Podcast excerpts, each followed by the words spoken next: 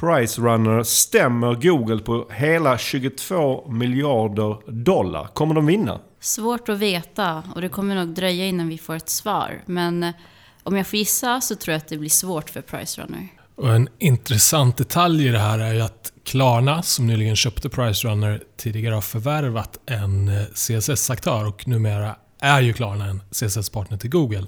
Just den lösning som Pricerunner har kritiserat. Och Klarna och Pricerunner har ju såklart delvis olika agendor, eh, men jag tycker det ska bli intressant att se mer vad de hittar på tillsammans i tjänsteväg. Mm, det är lite roligt eh, faktiskt. Vi får väl se var allt detta landar. Men nu är det i alla fall dags för ett nytt avsnitt av Sökpodden. Du lyssnar på Sökpodden. En podcast för dig som gillar Google, SEO och SEM. Sökpodden görs av Pineberry. Varmt välkomna till avsnitt 80 av Sökpodden. Mitt namn är Mikael Wahlgren. Idag har jag nöjet att sitta här med Björn Bydén Hej hej! och Rishi Chan Udom. Hallå, hallå! Idag bjuder vi på följande ämnen. Vi ska prata om URL-strukturer, vi ska eh, gå vidare till Facebooks motvind och så avslutar vi med Facebook Conversion API. Hur är läget med er idag? Jo, men det är bara bra. Härligt att eh, delvis eh, vara tillbaka på kontoret igen och eh, träffa alla underbara kollegor.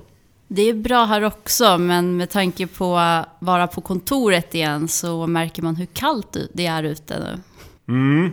Eh, det var eh, lite halkigt här på vägen till jobbet här i Stockholm idag i alla fall. Men vi kom hit eh, helskinnade som tur är. Rishi, det är första gången du är med i Sökpodden. Berätta lite om dig själv. Ja, eh, jag jobbar som paid social och SEM-konsult här på Pineberry. Och innan jag började här så drev jag en egen e-handel inom beauty samtidigt som jag pluggade ekonomi på Lunds universitet. En fråga som jag brukar ställa i de här lägena är varför blev det just digital marknadsföring för dig?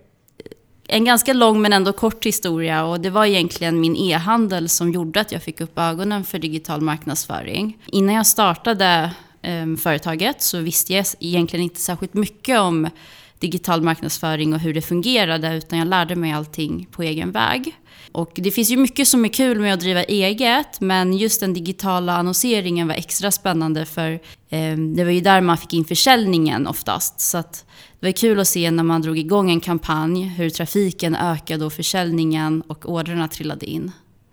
Kul att ha med dig i Sökpodden Rishi. Och idag är det ju inte vilket avsnitt som helst. Det är ju avsnitt 80. Ja, det måste vi väl fira lite. Absolut, och för er lyssnare som har varit med hela vägen med Sökpodden så kommer ni kanske ihåg att vi firade avsnitt 30 och 50 med att ta fram en eh, jubileums-t-shirt. Men den här gången blir det ingen t-shirt. Nej, det blir det inte. Vi har istället tagit fram Sökpodden-strumpor. Och det är inte vilka strumpor som helst. Det är väldigt eh, nördiga strumpor om du frågar mig. Ja, som det ska vara här i Sökpodden alltså.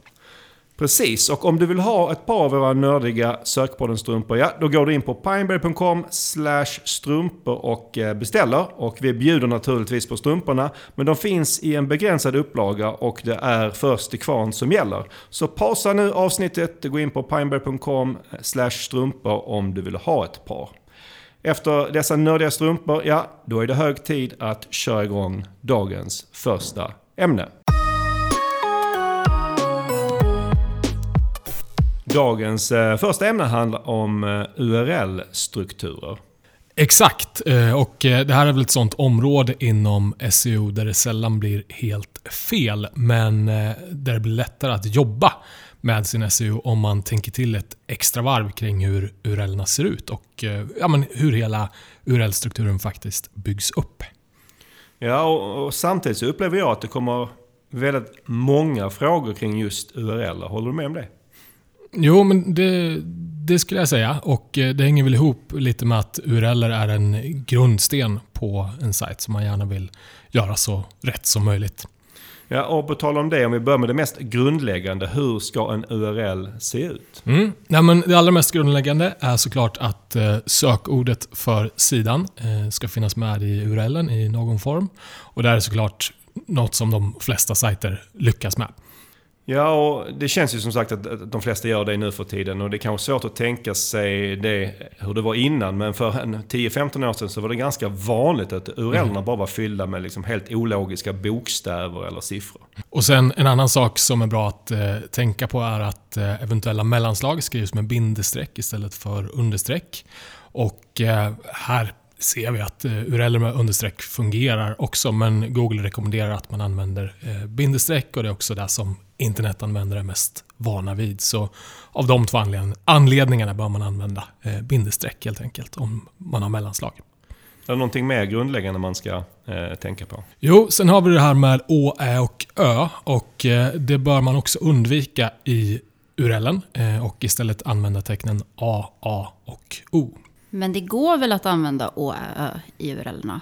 Ja, precis. Eh, det går bra och eh, Google klarar av att hantera det utan problem. Däremot så kan andra typer av system, till exempel eh, mailklienter, ha svårt för internationella tecken såsom Ä och Ö.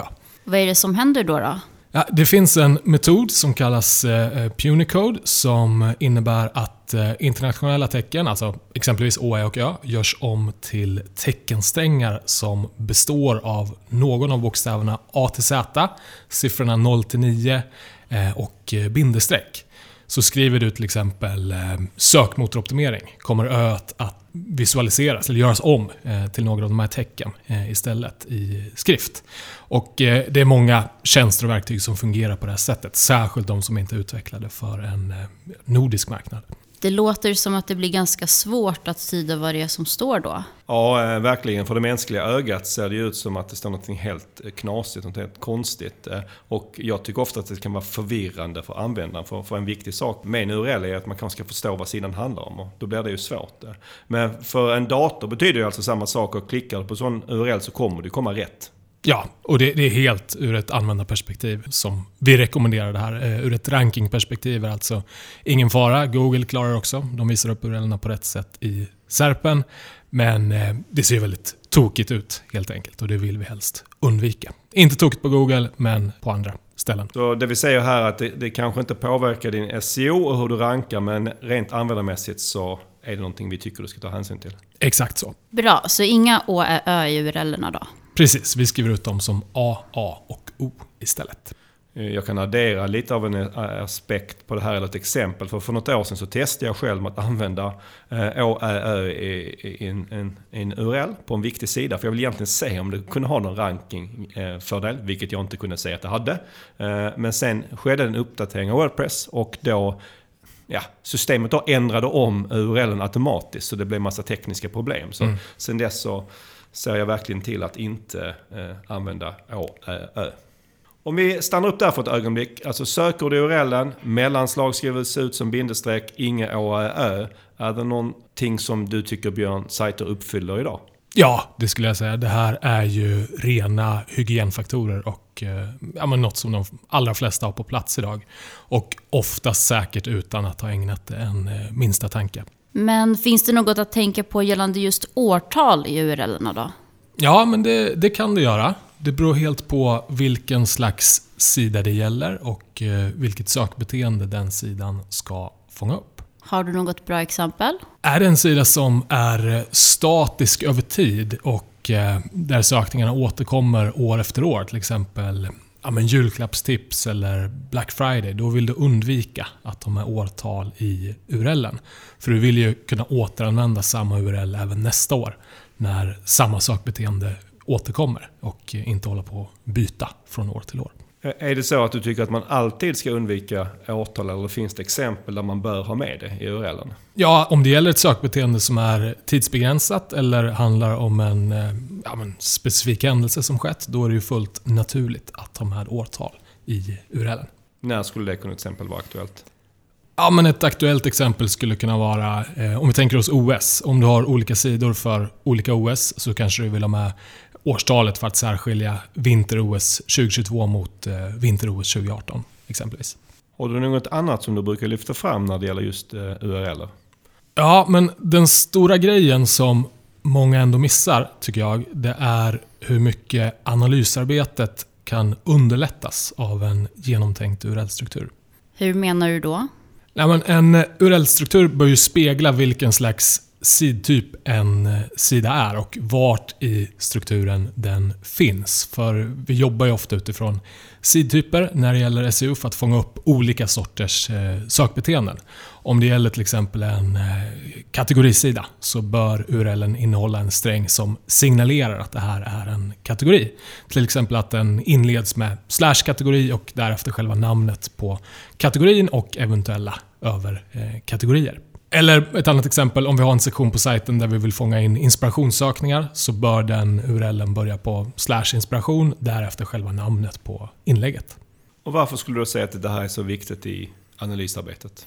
Ja, men det blir så mycket enklare att eh, utvärdera hur trafiken in till de här sidorna utvecklas över tid. Om vi enkelt kan sortera fram dem i till exempel Analytics eller Search Console via eh, URLen. Och då blir eh, strängen kategori eller inspiration en enkel nyckel för att, eh, att göra det. Finns det andra fördelar förutom att det kanske blir enklare i Analytics och Search Console? Ja, principen gäller ju för alla sorters verktyg där man kan utgå ifrån URLen som bas. Så om vi använder ett eh, verktyg som till exempel Sistrix eh, med deras Visibility Index så kan vi lägga in olika sektioner av sajten och se hur eh, synligheten eh, på de eh, olika delarna av sajten utvecklas. Till exempel skulle vi kunna lägga in ja, vårdomän.se produkt för att se hur rankingen utvecklas på produktsidor eh, över tid. Och det här kan ju vara väldigt värdefullt att analysera om det finns några sidtyper på vår sajt som Google av någon anledning nedvärderar eller kanske uppvärderar vid till exempel algoritmuppdateringar och liknande. Det finns ju en del som eh, då hävdar att det är bättre med korta URLer från ett SEO-perspektiv. Att, alltså att du inte signalerar sidtyp i URLen mm. och inte heller skriver ut hela kategorivägen. Personligen skulle jag nog säga att jag tycker det är snyggare och kanske enklare med korta URLer. Men det är ju en liten annan sak, eller annan eh, del av det. Vad säger du om längden på URLen, Björn? Rankingmässigt så spelar det ingen roll, men det blir alltså svårare att följa upp hur specifika sytyper presterar eh, i Google Analytics, Search Console, Systrix och, och liknande. Och en kortare URL blir eh, kanske snyggare, men du försvårar ju analysarbetet, så det är inget jag alls skulle eh, rekommendera. Om det nu är någon här som lyssnar på Sökpodden som har en eh, sajt eh, där det inte finns en logisk URL-struktur baserad på sidtyp. Skulle du då rekommendera att de ändrar detta? Nej, det är nog ändå inget jag skulle prioritera högst. Som sagt så är det ju ingenting som påverkar hur du rankar och det finns troligtvis många saker du kan göra eh, för att förbättra dig där. Så i de allra flesta fall hade jag nog inte rekommenderat det. Att helt göra om sin struktur kräver ju också en del tekniska ingrepp och många ompekningar, vilket alltid är riskabelt. Precis, det här är ju inget som görs i en handvändning. Däremot, om jag vore i fasen att bygga om min sajt eller starta en helt ny sajt, så skulle jag absolut prioritera att få till en sån här URL-struktur eh, från, från början. Tack för det och eh, med det så lämnar vi URL-strukturer för idag och går vidare till eh, nästa ämne.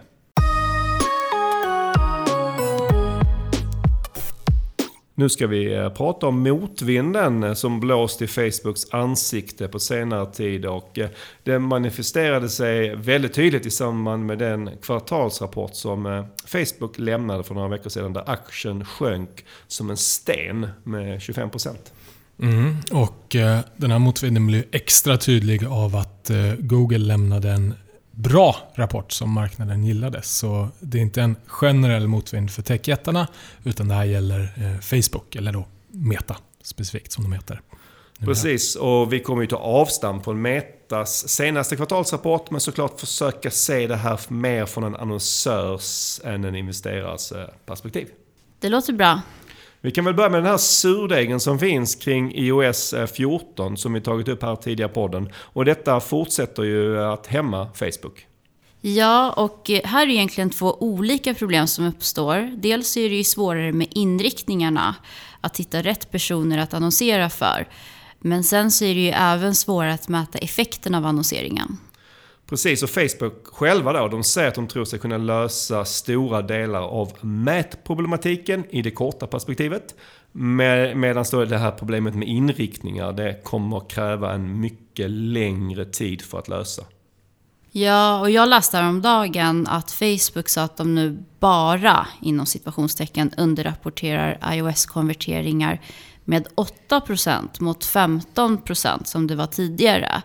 Så där har de ju kommit en liten bit på vägen. Hur mycket påverkar iOS 14-problematiken annonsörerna, skulle du säga? Ja, men det är en bra fråga och jag vet att du har frågat mig om det här innan, Micke.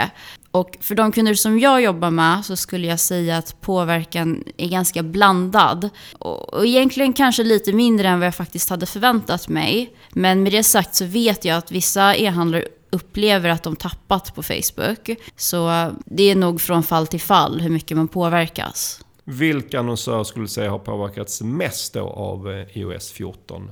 Problematiken? Ja, det är ju främst appannonsörerna. Men sen i övrigt så är det annonsörer som är beroende av mer nischade målgrupper som fått svårare att rikta sig in specifikt på de här målgrupperna. Det är fortfarande relativt enkelt att gå brett i målgrupp. Och sen har vi det här med Reels som ökar i användning för exempelvis då Instagram. Ja, och där är ju utmaningen att annonsutrymmet i Reels inte ger lika mycket intäkter som det är i flödet. Varför är det så? Delvis kanske det är lite svårare annonsformat att kapitalisera på. Samtidigt så är det ju ganska nytt och det kan nog ta ett tag innan annonsörerna förstår hur man bäst ska utnyttja Reels. Och det ser man inte minst på att CPC-nivåerna på Reels är mycket lägre än på de andra placeringarna. Och här kan man ju dra en parallell till när Facebook köpte Instagram och började med annonser där. Och för, även där i början var det lite svårt att tjäna pengar på samma sätt som man hade gjort i flödet på Facebook. Men på, över tid så löste det sig också och Instagram är ju en, en, en kassako för Facebook idag. Och på något sätt är ju Reels Metas svar på TikTok. Och i och med att Metas annonsplattform generellt sett är starkare och de har mer muskler än TikTok så tror jag att de nog på sikt kommer få till intjäningsförmågan även med Reels. Men ja, vi får väl se. Förutsatt att användarna stannar kvar på Instagram då? Ja, och det får oss osökt in på nästa punkt som Facebook själva tog upp i sin kvartalsrapport. Att de upplever en ökad konkurrens om användarnas tid. Ett finare sätt att säga att användarna lämnar Facebook kanske? Ja, verkligen. Och här ska man kanske göra tydligt att, att det finns en viss skillnad mellan Instagram och Facebook. För det är ju främst på Facebook som då Meta har det kämpigt med användartillväxten. Ja, och eh, det är väl inte så konstigt egentligen. Om man har blivit så stora som Facebook har blivit så förr eller senare planar andelen nya användare ut och eh, det är väl det vi ser nu. Ja, och sen så finns det ju även en generationsaspekt i det. Det finns inga sociala medier som historiskt inte tappat i popularitet och varför skulle inte det hända även Facebook? Ja, nej men precis. Och eh, det hänger ihop med att eh, den yngre generationen gärna inte vill vara på samma plattform där deras eh, föräldrar är kanske. Så det här kommer med andra ord säkert också drabba TikTok och andra plattformar längre fram i tiden också. Så är det här då slutet för Facebook som vi bevittnar? Ja, slutet är väl kanske lite drastiskt. Men man kanske ska säga att det är slutet på att Facebook får stå ohotade som herre på täppan. Och vad innebär detta för eh, alla annonsörer? Så i och med att användarna delar sin tid på många olika sociala kanaler så behöver man också som annonsör göra det. Det kanske inte räcker att bara annonsera på Facebook längre utan man får fundera och kanske testa andra kanaler också. Istället för Facebook? Ja, inte istället för Facebook utan mer som ett komplement. För även om vissa användare lämnar Facebook för att de tycker det är tråkigt så finns det ju fortfarande många användare kvar. Och eh, det som fortsatt talar till Facebooks fördel är att de är så pass breda målgruppsmässigt. Sen är deras annonsplattform mycket mer kraftfull än andra sociala kanaler. Och det här med att man lämnar sociala plattformar och att det dyker upp nya som blir populära, det är ju ingen nyhet och det är såklart något som Zuckerberg och gänget har stenkoll på. Ja, och eh, man kan ju se deras köp av Instagram och även WhatsApp som tecken på, på just det här. Att eh, de vill hänga med när användare byter plattform. Precis, så Metas lösning på det här är kanske att köpa ännu fler sociala plattformar. De har ju försökt att köpa exempelvis Snapchat ett par gånger, men eh, fått nobben. Sen så finns det ju även ett regulatoriskt problem. Det är lite snack om att myndigheterna tycker att Meta blivit för stort. Precis som myndigheterna tycker om Google också. Ja, det är likadant för Google. Myndigheterna vill egentligen hellre dela upp alla techjättar i mindre företag. Så i skenet av detta känns det lite långsökt att Meta skulle få igenom ett köp av till exempel TikTok. Men det vet vi ju inte, de har säkert funderat på det. Istället då för att lägga eh, sina pengar på att köpa TikTok eller något annat så investerar ju eh, Facebook idag enorma belopp i metaverse. Och om jag kommer ihåg rätt så investerar de just nu 10 miljarder dollar per år. Och detta belopp ska dubblas årligen under de närmaste 10 åren. Det är ju vansinnigt eh, stora summor. Ja, och eh, hela den här metaverse-grejen känns ju väldigt eh, spacad och eh, svårt att skapa sig en uppfattning om här idag, huruvida det här är en bra investering eller inte. Det ger såklart inga intäkter eh, idag. Eh, nästan alla Metas intäkter kommer från annonser, som det är nu. Eh, så frågan blir ju hur eh, och när ska Metaverse bidra med intäkter? Men det här är också någonting helt nytt, så det ska bli mycket spännande att se vad som händer på den här fronten, tycker jag.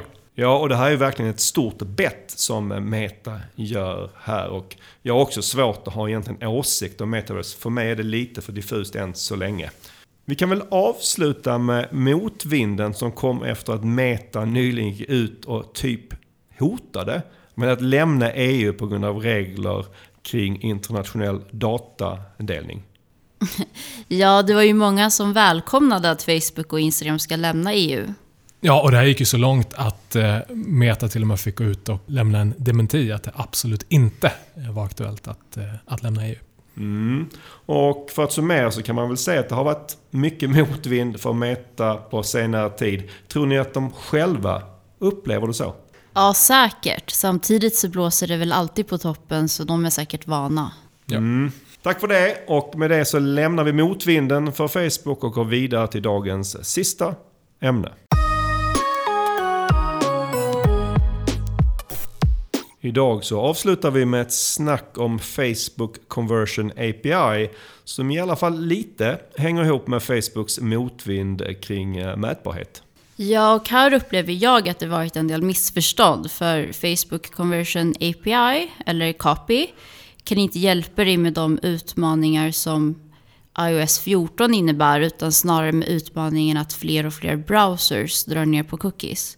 Här tror jag att det var lite av ett olyckligt sammanträffande att Facebook eh, pushade hårt för Capi samtidigt som iOS 14-bomben briserade. Och många kanske kopplade ihop de här två, men de hör ju egentligen inte ihop på det sättet. Nej, precis.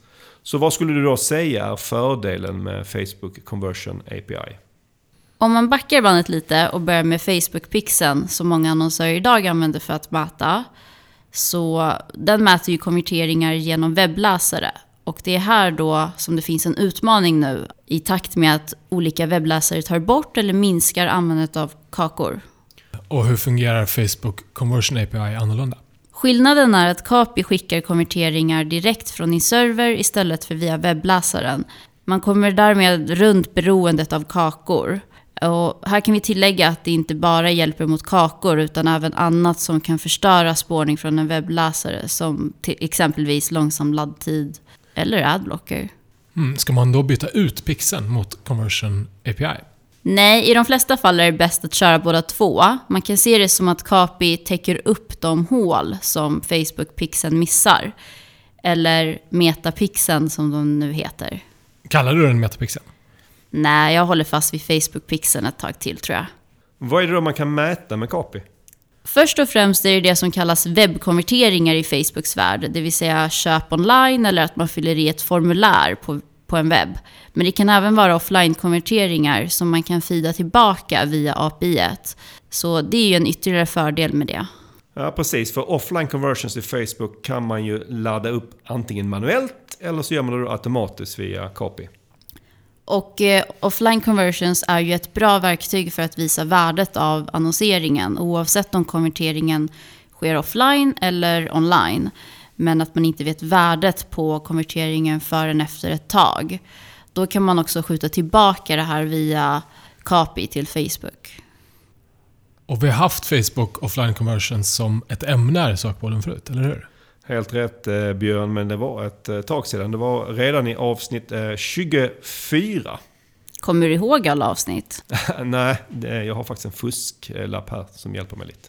Jag har läst ett par guider om hur man sätter upp Facebook Conversion API och ah, det känns ganska krångligt. Ja, ibland kan det ju vara det. Det krävs ofta att man blandar in lite olika personer för att sätta upp det, vilket kan göra det lite krångligt. Och när jag läste de här guiderna så tänkte jag även på POAS som vi pratade om här för några avsnitt sedan. För det är många som snackar om POAS men det är ändå relativt få som implementerar det hela vägen. För det är lite svårt att uh, få till. Skulle du säga att det är samma sak här med KAPI? Jag förstår hur du menar, men KAPI är betydligt enklare att få till jämfört med att gå hela vägen med POAS.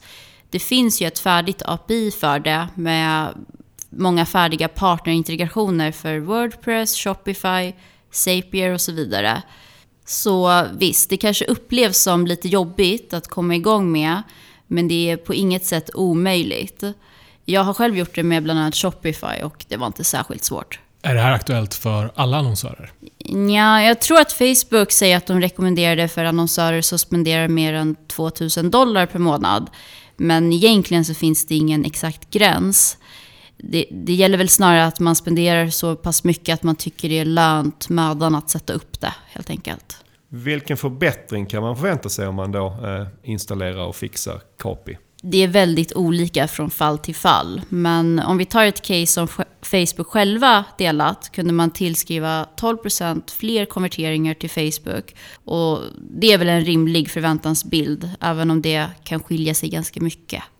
Vad skulle du säga då? Handlar det bara om attribution eller kan det även förbättra den faktiska annonseringen? Ja, men det är en väldigt bra fråga. Och den huvudsakliga grejen med Kapi är ju att den täpper till hål som pixeln missar.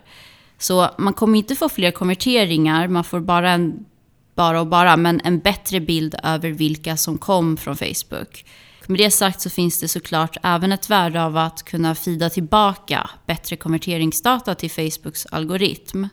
Om vi tar samma exempel, som eh, där attribution förbättrats med 12% så hade CPA sjunkit med 5% och det lett till att annonsören köpt bättre trafik. Så det går att få lite av båda i den bästa av världar. Mm. Det låter bra tycker jag och eh, där sätter vi stopp eh, för vårt snack om Facebook Conversion API och det är dags att runda av dagens avsnitt. Så, då var vi nästan klara med detta jubileumsavsnitt. Innan vi stänger butiken för idag vill jag dock fråga dig som lyssnar om du vill bli vår nya kollega. Om du tycker det låter intressant, ja, då går du in på jobb.pineberry.com. Ja, och det tycker jag att du ska göra. Just nu söker vi bland annat eh, SEO-konsulter till vårt eh, SEO-team. Och eh, om du vill ha våra nördiga sökpodden strumpor, ja då går du in på pineberry.com strumpor innan de tar slut. Skynda, skynda!